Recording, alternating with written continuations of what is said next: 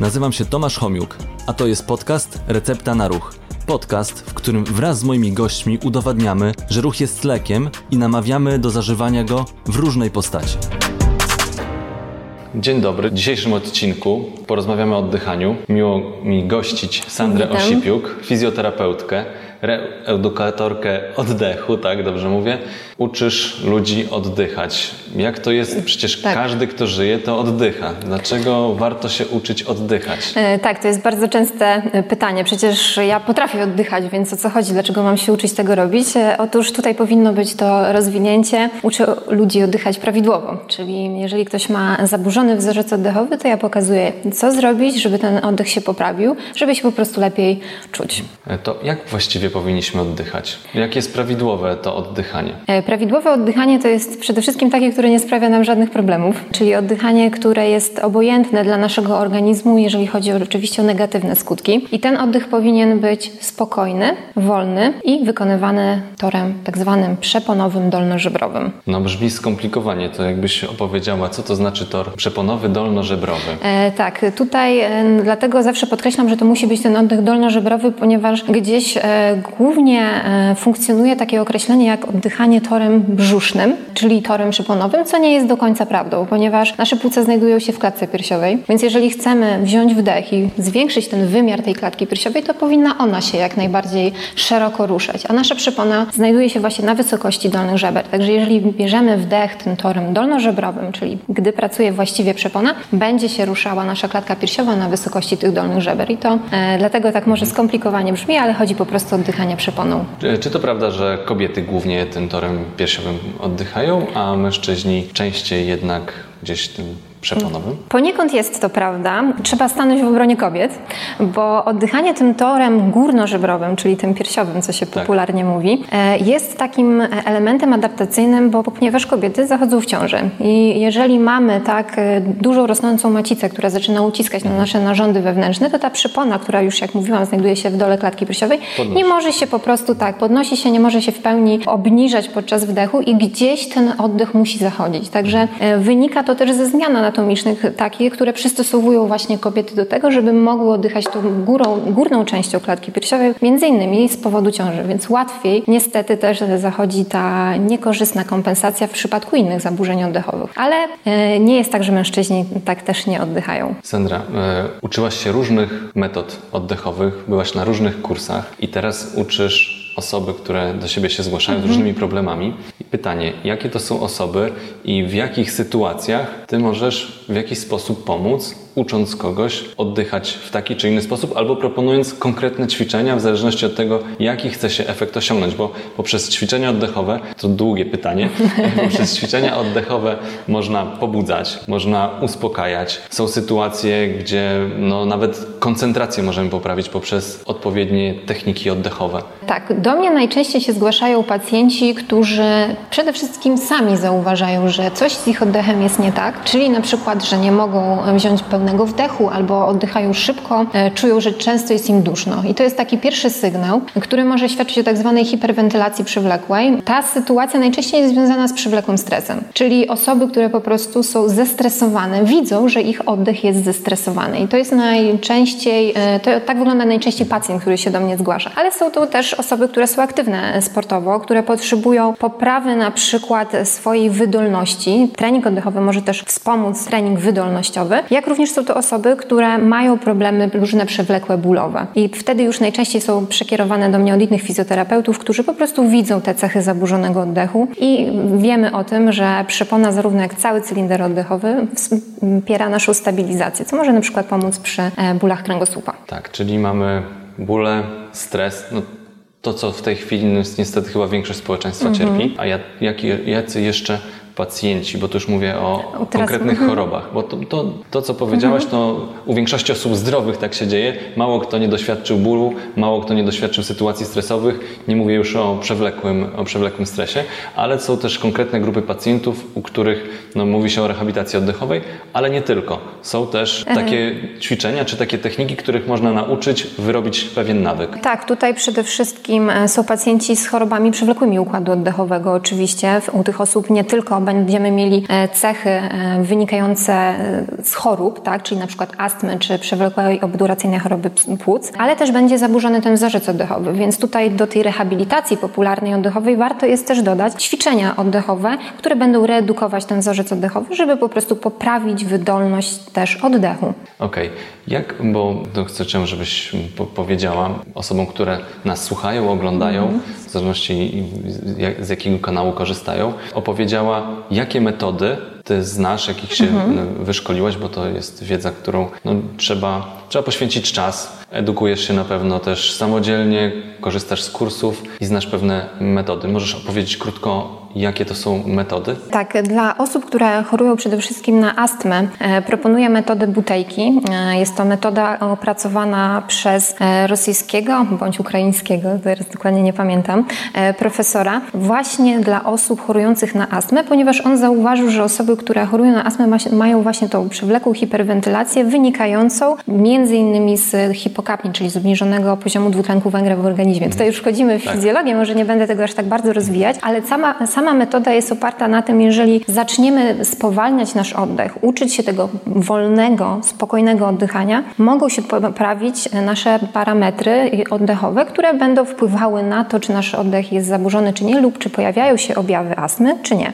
Konstantin Butejko e, wyszedł z założenia, że jeżeli ktoś ma tą hipokapnię i się hiperwentyluje, to może dochodzić właśnie do tego e, skurczu oskrzeli, który towarzyszy astmie. I po prostu na tej podstawie opracował całą metodę, która jest e, właśnie kierowana tak, do osób chorych na astmę, ale też nie tylko, no bo okazuje się, że hiperwentylację taką przywlekłą może być też, mieć też osoba, która jest zestresowana i wszystko kieruje się ku temu, żeby spowolnić swój oddech i żeby był też wykonywany przez nos. Także e, tutaj na pewno o tej metodzie można bardzo dużo powiedzieć, ale gdybym miała powiedzieć kwintesencję, to bym po prostu powiedziała wolny, spokojny oddech przez nos. To jest coś, co można kierować właśnie do osób chorych na astmę. Dobrze. Mówisz wolny, spokojny oddech. To ile w ciągu minuty powinniśmy mieć E, Takich tak, no i tutaj e, tu jest też temat e, tak naprawdę bardzo obszerny, bo co badania i co jakieś podręczniki możemy znaleźć jednak inne parametry, które mówią o tym, jak ile powinno być wykonywanych oddechów na minutę. Co jeszcze trzeba wziąć pod uwagę, te oddechy też nie mogą być bardzo głębokie, no bo to też jest cecha hiperwentylacji, czyli mówimy tutaj o normalnej objętości. Najczęściej mówi się o takiej górnej granicy 20 oddechów na minutę, 18-20 oddechów na minutę. Ja ze swojego doświadczenia wiem, że osoby, które czują się dobrze, najczęściej oddychają pomiędzy 10 a 14 oddechów na minutę. Jeżeli chodzi o trening oddechowy z kolei, to bardzo dobrym tempem, który daje nam najwięcej korzyści, jeżeli chodzi o oddychanie, jest tempo 6 oddechów na minutę. No ale oczywiście. Też u sportowców bardziej pewnie? E... O pływaków na przykład? Niekoniecznie, niekoniecznie. Osobiście uważam, że nie da się mieć też takiego przez cały czas tempa oddychania, te 6 oddechów na minutę, bo to jest naprawdę bardzo wolne oddychanie, które e, przede wszystkim pobudza też układ e, parasympatyczny, no, czyli taki wyciszający i taki oddech prędzej moglibyśmy mieć na przykład podczas spania, więc w ciągu dnia też nie do końca chcemy no tak. być e, tak wyciszeni, prawda?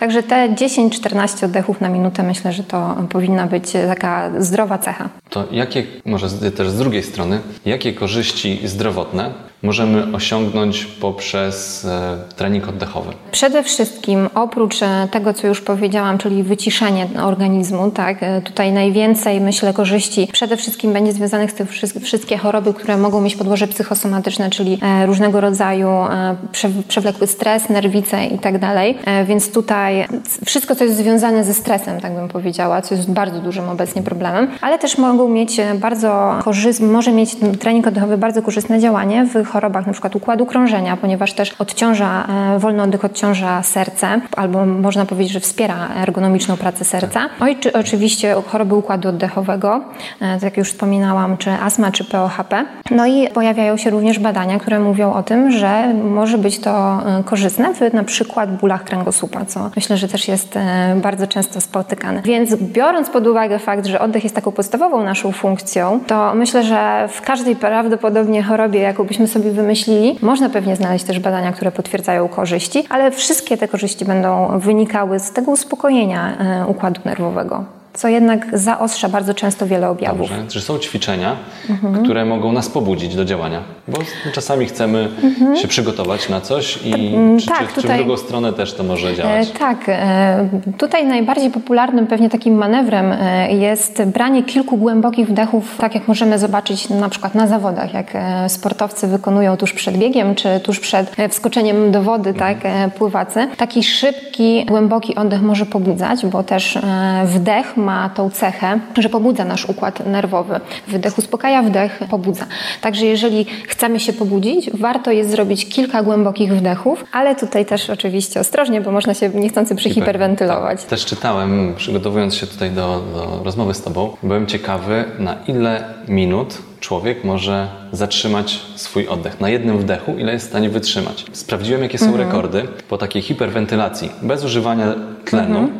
tylko to, co czerpiemy z otoczenia, ponad 11 minut. Byłem w szoku, że można na tyle czasu utrzymać e, no, na jednym wdechu. E, to nurkowie oczywiście mhm, tak. E, trenują i takie rekordy biją, co też czytam, że nie jest do końca bezpieczne, bo wiele sytuacji się zdarzało groźnych dla życia.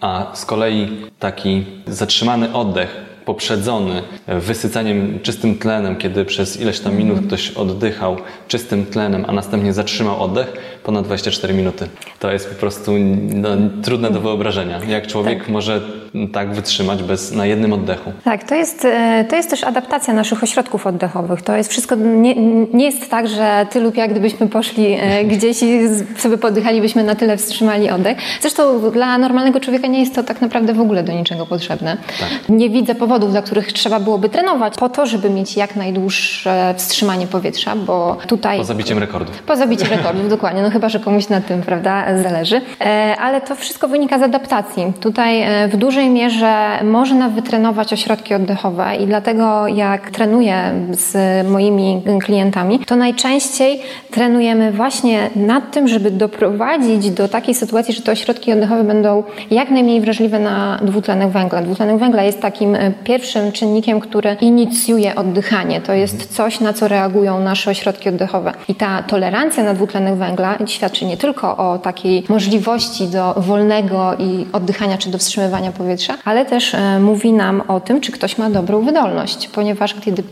jesteśmy aktywni fizycznie, czy biegniemy, czy ciężko pracujemy, nasze mięśnie też produkują dwutlenek węgla, więc tak. im mamy tą lepszą tolerancję na ten dwutlenek węgla, tym też możemy stwierdzić, że ktoś ma lepszą też odporność całego organizmu e, na wysiłek fizyczny. E, więc to jest wszystko do wytrenowania. Pytanie, jak bardzo potrzeba, potrzebny, potrzebny jest taki trening. Ja uważam, że ten trening jest potrzebny tylko do momentu, kiedy o, znikną jakieś niekorzystne objawy. Dobrze, powiedz mi w takim razie, bo to mówisz o tolerancji na dwutlenek węgla. Mhm. W jaki sposób można tą tolerancję zwiększyć? Jakie techniki oddechowe, jaki trening oddechowy pomaga tym, żeby tą tolerancję zwiększyć? Jakieś przykłady, może konkretne, mhm. konkretnych ćwiczeń? Tak, e, ogólnie rzecz biorąc, to wiadomo, ekspozycja na ten dwutlenek węgla zwiększa naszą odporność, czyli właśnie wstrzymywania powietrza, ale po wydechu. Tutaj e, trzeba wyraźnie to rozróżnić, że ten wydech e, pomaga nam jak najlepiej też skumulować ten dwutlenek, dwutlenek węgla, żeby wytworzyła się kwasica, znowu wchodzimy w tak. fizjologię, ale najprościej jest na przykład, tutaj już dla osób o dobrej wydolności raczej bym to polecała, i iść na spacer,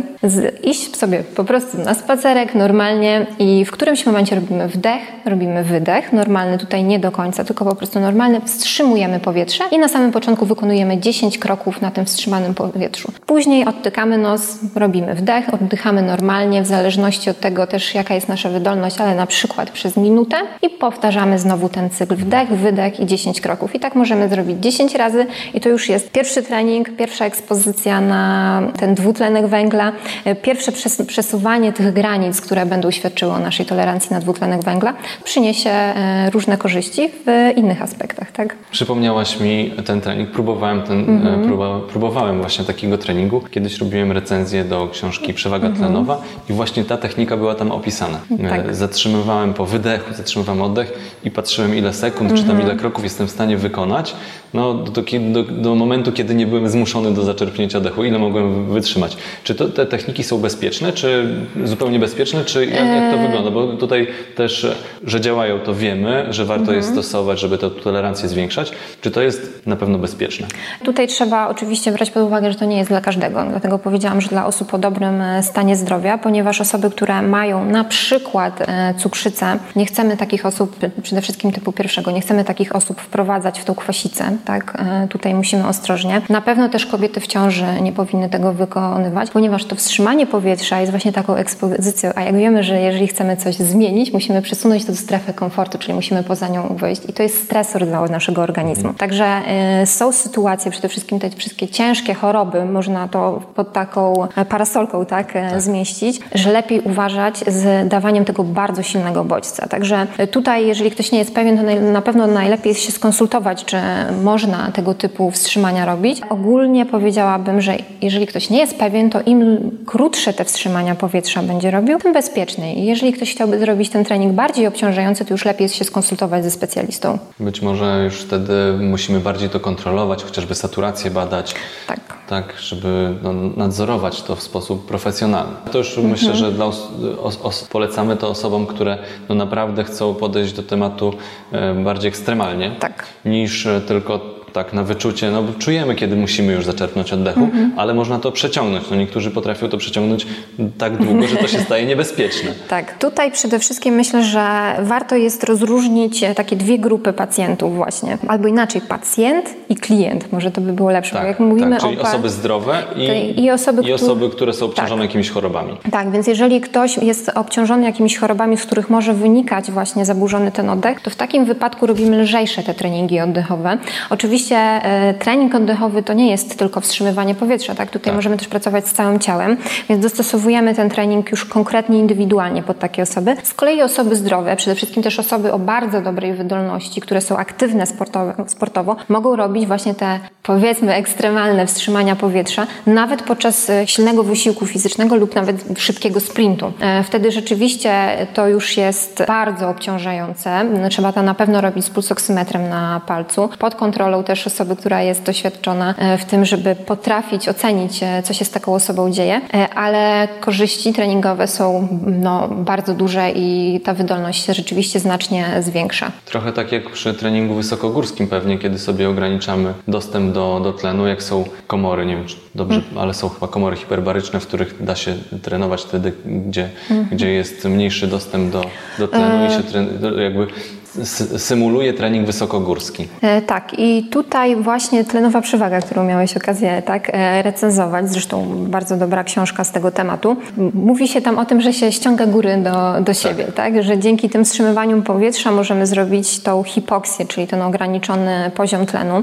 I tutaj nie jest wbrew pozorom łatwo to zrobić. Trzeba nałożyć na taką osobę bardzo dużą intensywność wysiłkową również, plus to wstrzymanie powietrza, żeby rzeczywiście osiągnąć tą hipoksję. I zresztą swego czasu były popularne te maski tak zwane treningowe, które były reklamowane jako... e, Właśnie do treningu takiego tak, tak, tak. I tutaj e, sama maska w sobie tego nie zrobi. Musi być też ten manewr oddechowy, ten, e, ta praca na oddechu, żeby rzeczywiście to wytworzyć i wtedy rzeczywiście możemy zrobić tą hipoksję. Jeżeli się trenuje z pulsoksymetrem, naprawdę można zejść z tą saturacją do no, bardzo niskich poziomów. Ja pamiętam, ja przez to, że były maseczki w swoim czasie do każdej sytuacji wymagane, to biegałem z maseczką. To się zdziwiłem, jak e, przez to ograniczenie możliwości oddychania, biegając w normalnym tempie, to ja po kilku minutach dochodziłem do tętna 170, gdzie w normalnych warunkach przy takim tempie miałbym tętno 120. Także tutaj Tak, jest to bardzo silny bodziec dla naszego organizmu, no ale to tak jak wspominałam, jeżeli chcemy coś poprawić, to trzeba troszeczkę narzucić tego stresu. I rzeczywiście e, można biegać w ogóle oddychając tylko przez noc, co też jest tym ograniczeniem, bo jak oczywiście jesteśmy podczas wysiłku fizycznego, to w którymś momencie chcemy oddychać e, przez usta. po prostu I- już nam brakuje tak, i czujemy, to jest i to jest tlenu. fizjologiczne, tak. tak. Oczywiście, jeżeli mówimy o osobie, która nie ma żadnych zaburzeń, no ale to jest jakby odrębny temat, ale jest to fizjologiczne. Ale jeżeli chcemy e, dodać obciążenie dodatkowe, takie, które pozwoli nam jeszcze lepiej wytrenować nasz organizm, to można oddychać tylko przez nos. I na początku, jak się trenuje, to rzeczywiście jest to ciężkie. ciężkie. E, dla takiej osoby może się wydawać, że nagle jej wydolność się pogarsza, ale przez określony czas, e, jeżeli będzie w ten sposób się przygotowywała do tego, czy tam dostosowywała no tak, reakcję swojego... Mechanizmy adaptacyjne. Tak, adaptacyjne zadziałają, to rzeczywiście później jest nagły taki jakby zastrzyk mhm. jakiegoś sterydu, który pozwala... Na dopingu jesteśmy Tak, jesteśmy dokładnie na fizjologicznym dopingu i to rzeczywiście pozwala. E, zresztą takie wstrzymywanie powietrza działa bardzo e, stymulująco na nasz organizm, ponieważ długie takie wstrzymywania powietrza bezpośrednio przed wysiłkiem, czy tam do godziny przed, w zależności od metodyki, mhm.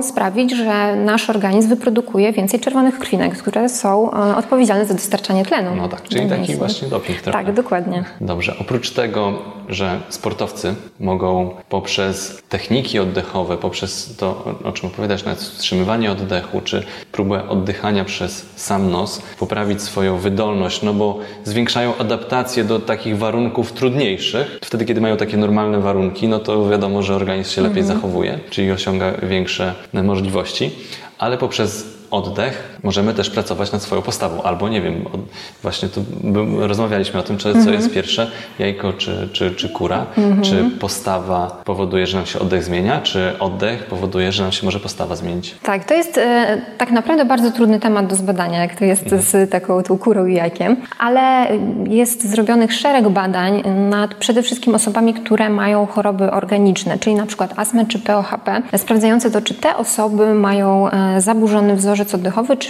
i który przykłada się na postawę ciała. Zresztą sama miałam okazję też e, badać e, dzieci chore na astmę pod tym kątem. I w moich takich pilotażowych badaniach też e, wyszło, że są różne zmiany w postawie ciała w porównaniu tak do dzieci zdrowych. I rzeczywiście w badaniach pojawiają się różne adaptacje z tym związane, tak, że ktoś ma obciążony układ oddechowy, więc mięśnie, które też biorą, biorą udział w oddychaniu, muszą w jakiś sposób wytworzyć kompensację, pociągając za tym zmiany takie w postawie ciała, żeby po prostu utrzymać tą wydolną, e, wydolność oddechową. Więc e, po tym, e, po tych badaniach nad osobami, które cierpią na przewlekłe choroby, możemy stwierdzić, że tak, zaburzony oddech będzie zmieniał naszą postawę ciała. Kolejną taką rzeczą, która jest bardzo dobrze zbadana, jest przewlekłe oddychanie przez usta. Też się okazuje, że oddychanie przez usta jest związane z taką dosyć częstą wadą postawy, wysunięciem głowy w przód.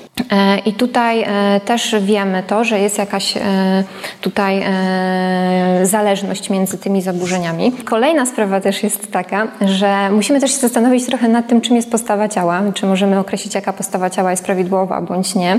Tą tutaj, normę, co normę, norma, co jest normą i nie. Zmienia I, i dlatego ja, ja dlatego tak najbardziej lubię e, badania lub e, może w ogóle teorie, które zastanawiają się nad funkcją ciała i tym, jak ona jest powiązana z ciałem. I rzeczywiście, jeżeli ja widzę na przykład badanie, zresztą badania, które też zostały przeprowadzone przez polskich naukowców, które mówią na przykład, że oddychanie przeponowe wspiera naszą równowagę, czyli gdzieś ta stabilność się tak. poprawia, to oznacza, że oddychanie wpływa na stabilność naszego ciała. Stabilność naszego ciała w odniesieniu do w ogóle ruchu jest bardzo istotna. E, jeżeli widzę badania, które mówią mi, że trening oddechowy poprawia mm, czy zmniejsza bolesność kręgosłupa, to też jest to dla mnie sygnał, że rzeczywiście te oddychanie wpływa na nasze ciało, jeżeli chodzi o układ mięśniowo-szkieletowy. E, także nawet jeżeli nie jesteśmy pewni, czy to zaburzenia oddychania, czyli ten stres, który zmienia oddech, wpływa na postawę ciała lub czy jest odwrotnie, to wiemy, że trening oddechowy na pewno poprawia funkcję ciała i myślę, że to jest bardziej istotne, jeżeli chodzi o to pytanie. To tak, czyli poprzez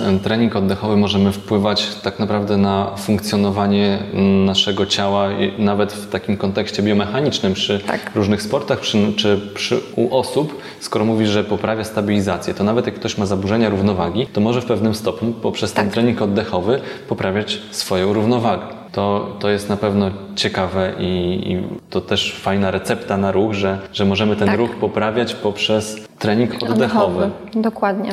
A czy w drugą stronę, czy są jakieś formy sportu, rekreacji, mhm. ruchu, które spowodują, że my poprawimy swoje oddychanie. Znaczy każdy trening, no wiadomo, musimy dostarczyć mhm. tlen do wszystkich mięśni, do wszystkich, wszystkich zaangażowanych w, tą, w, ten, w ten ruch naszych części ciała, narządów i to wymaga pobudzenia układu oddechowego. Ale czy są jakieś formy ruchu, sportu, które szczególnie poprawiają to oddychanie.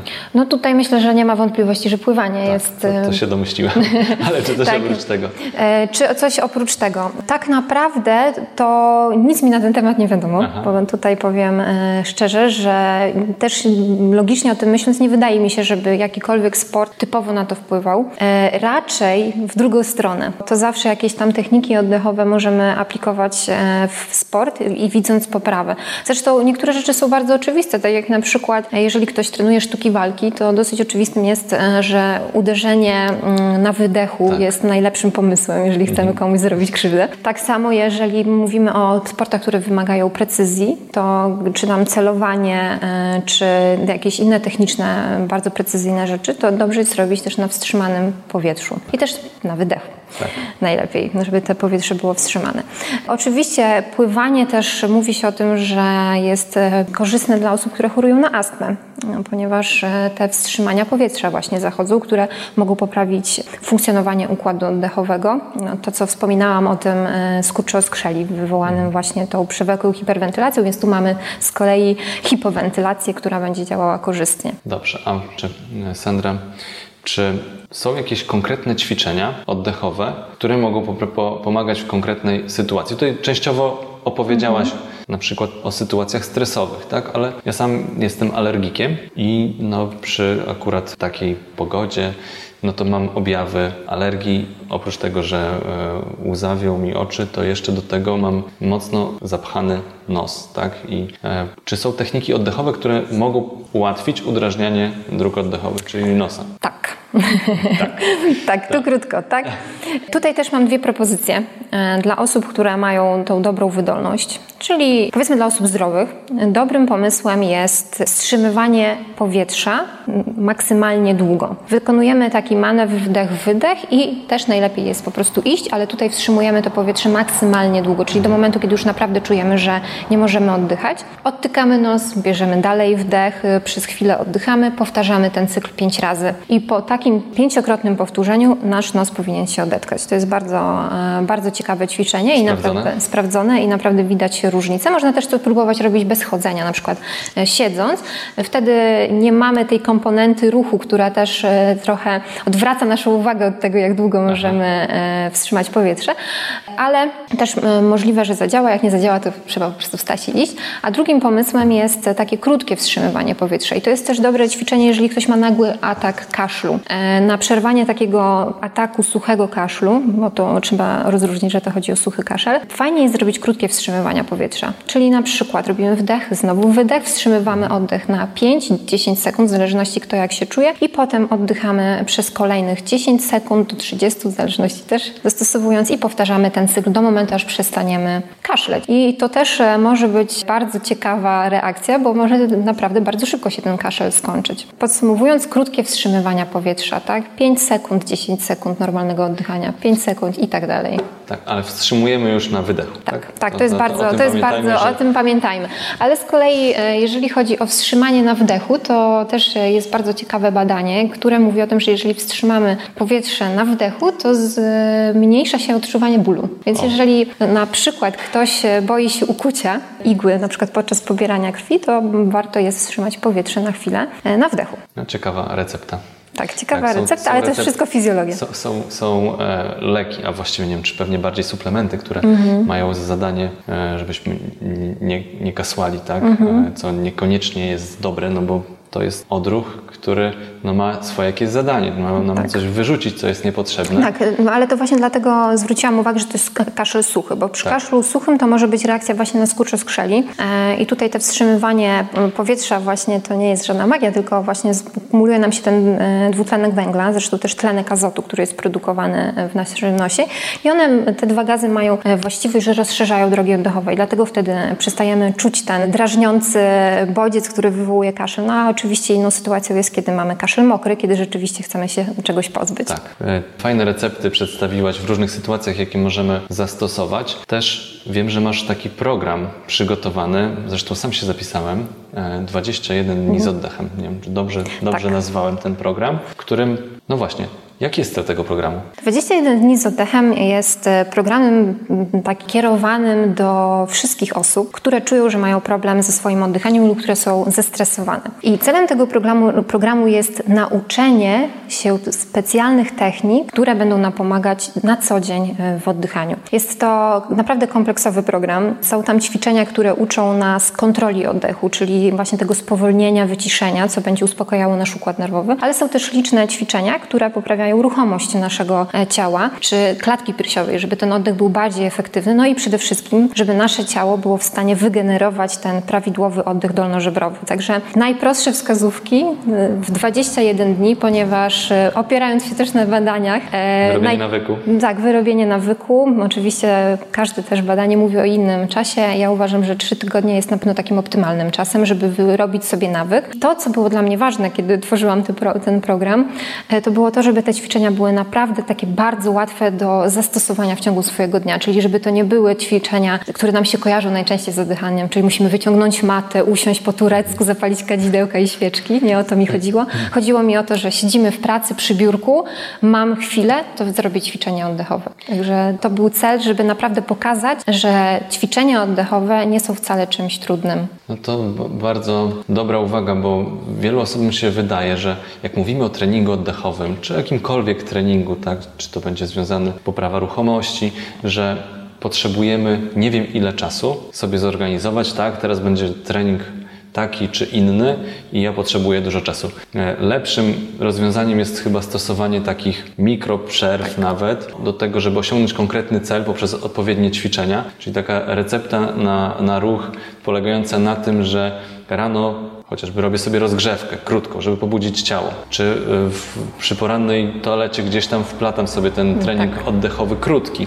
To z reguły trwa, nie wiem jak ty akurat zalecasz, ale to jest kwestia tam do dwóch, dwu, nawet 2-3 minuty. Jeśli tak. to jest robione systematycznie, codziennie, to możemy taką profilaktykę, czy z, związaną z układem ruchu, czy z, z układem oddechowym, przenieść, y, jakby uzyskać stałe takie efekty i to na długo, na, na, na całe życie, nie tylko takie zrywy gdzie poświęcamy Dokładnie. dużo czasu raz w tygodniu na jakiś tam trening, no bo nie wiem, chcemy mieć zdrowy kręgosłup i są zajęcia zdrowy kręgosłup tak. i raz w tygodniu sobie idziemy na zajęcia zdrowy kręgosłup. Lepiej zrobić sobie mniejsze takie e, przerwy na krótkie ćwiczenia, ale jeśli to jest systematyczne, to osiągniemy lepszy efekt niż tak, gdzie właśnie sobie rezerwujemy dużo czasu i chcemy zaraz coś dużego zrobić. Tak, e, to jest myślę, że nie tylko do treningu oddechowego w ogóle bardzo ważne, że trzeba rozróżnić taką codzienną aktywność od e, treningu po prostu. Jeżeli będziemy robić jeden trening na tydzień, to nagle nasze życie się nie zmieni.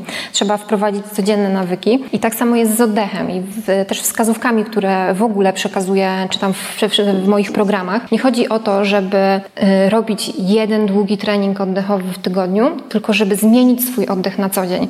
I to jest y, coś, co ja nazywam y, takim paradoksem treningu oddechowego. My trenujemy po to, nie żeby w tym momencie zmienić oddech, my trenujemy świadomie, żeby nasz nieświadomy oddech się zmienił. Więc my musimy to jak najczęściej powtarzać, żeby ten wzorzec oddechu zmienił się na poziomie naszego układu nerwowego. I ja też myślę, że warto zdawać sobie sprawę z tego, trening oddechowy czy reedukacja oddechowa jest jedną z form, która może sprzyjać poprawie funkcjonowania naszego ciała, ale to, co jest szczególne w tej formie, to jest to, że my chcemy pobudzić tak naprawdę nasze ciało do wygenerowania tego zdrowego oddechu samodzielnie. Czyli tutaj czasami chodzi po prostu o to, żeby na tyle uspokoić e, nasze ciało, tak je pokierować, żeby ono po prostu same wiedziało, jak oddychać prawidłowo. Czyli wyrabiamy nawyk, uczymy pewnego mechanizmu, który działa automatycznie. Tak. Już e, nie wiem, tak jak teraz chciałbym się nauczyć technik oddechowych, wtedy i stosować się wtedy, kiedy mam sytuację stresową, no w ten sposób siebie uspokajać. Ale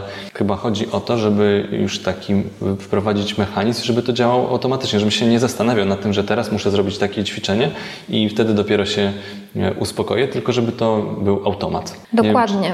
To jest też tak, e, że jeżeli będziemy, na przykład mamy też e, e-booka Oddech w stresie, tam jest e, ponad 40 ćwiczeń właśnie kierowanych na sytuacje, kiedy jesteśmy zestresowani i to nie chodzi o to, żeby te, nawet te wszystkie ćwiczenia codziennie powtarzać, tylko chodzi o to, żeby znaleźć ćwiczenia, które będą dla nas łatwe i będą nam się kojarzyły z tym, że mamy poczucie kontroli nad naszym oddychaniem. I wtedy, jeżeli wyrobimy nawyk, że jest sytuacja stresowa i ja zamiast panikować i nie wiem, co zrobić, to pierwsza moja myśl wykonam to ćwiczenie. Wykonuję to ćwiczenie i wtedy właśnie pojawia się ten automatyzm. Czyli nawet proponuję w tym moim e-booku wybranie sobie takiego ćwiczenia ratunkowego, żeby naprawdę przepisać je sobie, opisać, żeby mieć po prostu zawsze z tyłu głowy, że mam to narzędzie, które pozwoli mi opanować emocje w stresującej sytuacji. I zmieniamy naszą reakcję stresową z reakcji takiej e, wycofania, czy wręcz walki na sytuację mam poczucie kontroli. I to jest duża różnica. Zresztą zmienia się ogromnie komfort psychiczny, kiedy wiemy, że potrafimy w sytuacjach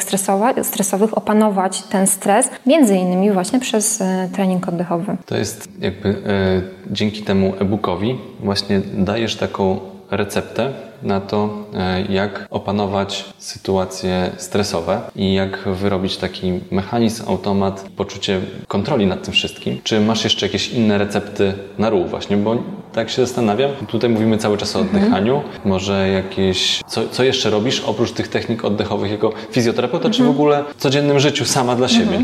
Jaka jest Twoja recepta na ruch? Moja recepta na ruch jest taka, że ja się przede wszystkim ruszam. Prawdę, e, dla mnie najważniejsze jest to, żeby każdego dnia na pewno wyjść na spacer, na pewno być aktywną. Nawet nie chodzi o to, żeby robić e, treningi ciężkie, tylko o to, żeby na pewno nie siedzieć cały dzień. To są, ja wiem, że to są takie teksty, które wszędzie słyszymy, ale naprawdę to jest najważniejsze, żeby non-stop być w ruchu. E, bardzo ważne jest spacerowanie spokojne. Wcale nie chodzi o to, żeby biegać czasami 40 kilometrów, a może wręcz powinniśmy się zastanowić, wiadomo, y, kontuzje i tak dalej, ale żeby naprawdę starać się siedzieć, ok, ale w różnych pozycjach, spacerować codziennie. Nie, że robimy sobie, o, w niedzielę pójdziemy na lody, na spacer do parku, codziennie. Nie bać się ruchu, nie bać się też prac domowych, bo często y, unikamy tego, a to też są y, sytuacje, kiedy możemy w inny sposób obciążyć nasze ciało. Oczywiście warto jest zachowywać jakieś ergonomiczne takie manewry, tak, żeby, żeby móc spokojnie wykonać, nie wiem, czy odkurzanie i tak dalej, ale nie bać się tego. Jeżeli jesteśmy zdrowi, nic nas nie boli, to naprawdę po prostu w ciągu dnia się ruszać i ja uważam, że to jest coś najważniejszego. No i oczywiście panowanie nad stresem, bo jednak okazuje się, że najbardziej jakość życia spada, kiedy jest, niestety jesteśmy zestresowani, gdzieś czujemy wewnętrzny niepokój, więc tutaj ja osobiście każdego dnia oczywiście wykonuję ćwiczenia oddechowe i to wcale nie jest tak, że ja właśnie siadam na tą 20-minutową medytację. E, swoją drogą ja nie lubię medytować, mimo iż uważam, że to jest jedna z e, na pewno fajniejszych form, ale ja opracowałam sobie e, swoje własne medytacje, które są oparte właśnie na oddechu. I ja mogę to zrobić w każdym momencie, jeżeli mam chwilę, nawet jestem na spacerze, to mogę skoncentrować się na swoim oddechu. To jest, myślę, coś, o czym się często zapominamy, ponieważ gdzieś przez pewien moment był taki multitasking promowany, że powinniśmy jak najwięcej rzeczy robić na raz, a my jesteśmy tak przybodźcowani w ciągu dnia, że po pierwsze non-stop myślimy o wielu, wielu rzeczach. E, jak w ogóle idziemy spać, to też jest pełno różnych przeszkadzajek, więc tam też oczywiście higiena snu jest bardzo ważna, ale komfortem dla naszego mózgu, dla naszego układu nerwowego jest myślenie o jednej rzeczy. Więc jeżeli nawet znajdziemy 5 minut, żeby móc pomyśleć o jednej rzeczy, to naprawdę e, nasze ciało się uspokoi i naprawdę e, odwdzięczy się nam zdrowiem. W takim życiu szybkim mhm. To mało osób na to zwraca uwagę. Teraz może trochę to spowolniło, ale właśnie za dużo rzeczy robimy naraz, a tutaj Twoja recepta, czyli spokojny spacer, spokojny tak, oddech. Zupełnie inaczej. I jeszcze gdzieś do tego połączone z medytacją, czy nawet właśnie myślenie o, o czymś jednym, a nie mm -hmm. kłębiące się ciągle myśli. Jakby to daje na pewno taki swobodę, komfort i uspokojenie. Tak, to taka uważność po tak, prostu. Co, no tak, co jest... uczymy się no, no, tak. na nowo, sztuka uważności jest, tak. jest bardzo y, popularna. Każdy jakby powinien poświęcać ten czas w ciągu dnia na to, żeby chwilę skupić się na jednej, na jednej rzeczy. Żeby się po prostu uspokoić i dać y, układowi nerwowemu, czyli naszemu umysłowi, po prostu odpocząć. Zaniedbywany sen. Jeżeli my w ciągu dnia właśnie myślimy o wielu rzeczach, jesteśmy ciągle bodźcowani, pobudza się nasz układ nerwowy, ta część z kolei sympatyczna, odpowiedzialna za reakcję walcz, uciekaj. Więc jeżeli my cały dzień jesteśmy w takim tak. pobudzeniu, to nie możemy oczekiwać, że nagle w nocy wszystko się wyciszy. Więc pomyślmy też o tym e, w takim kontekście rekonwalescencji, czy nawet może regeneracji. Regeneracji, tak. Prostu. Tak jak w każdym sporcie. Tak. Jest czas na trening, jest czas na wysiłek Dokładnie. i musi być regeneracja po to, żeby no, być zdrowym. Dokładnie. Dziękuję Ci, Sandra, za Dziękuję dzisiejszą również. rozmowę. E, dziękuję, że przyszłaś, poświęciłaś czas, opowiedziałaś, jak ważne jest oddychanie i z czym, czym się wiąże. Dla wielu osób może pomóc. E, prowadzisz poradniki, prowadzisz programy, masz swoją książkę, e, można Ciebie obserwować e, na Instagramie, tam też sam często chętnie czytam to, o czym piszesz, no, bo właśnie w ten, w ten sposób mogę się czegoś ciekawego nauczyć, dowiedzieć i mam nadzieję, że to nie ostatnia nasza rozmowa, ostatnie nasze spotkanie. Może uda mi się Ciebie namówić, żebyś pokazała konkretne techniki oddechowe już w formie ćwiczeń, tak żeby mm, można było zobaczyć i nauczyć się konkretnie metody wykonywania konkretnego ćwiczenia. Także jeszcze raz dziękuję Ci Super, bardzo za rozmowę. Bardzo dziękuję.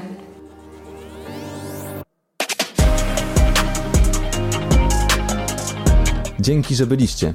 Mam nadzieję, że zostaniecie tutaj na dłużej. Jeżeli chcecie być na bieżąco, zasubskrybujcie kanał Recepta na Ruch.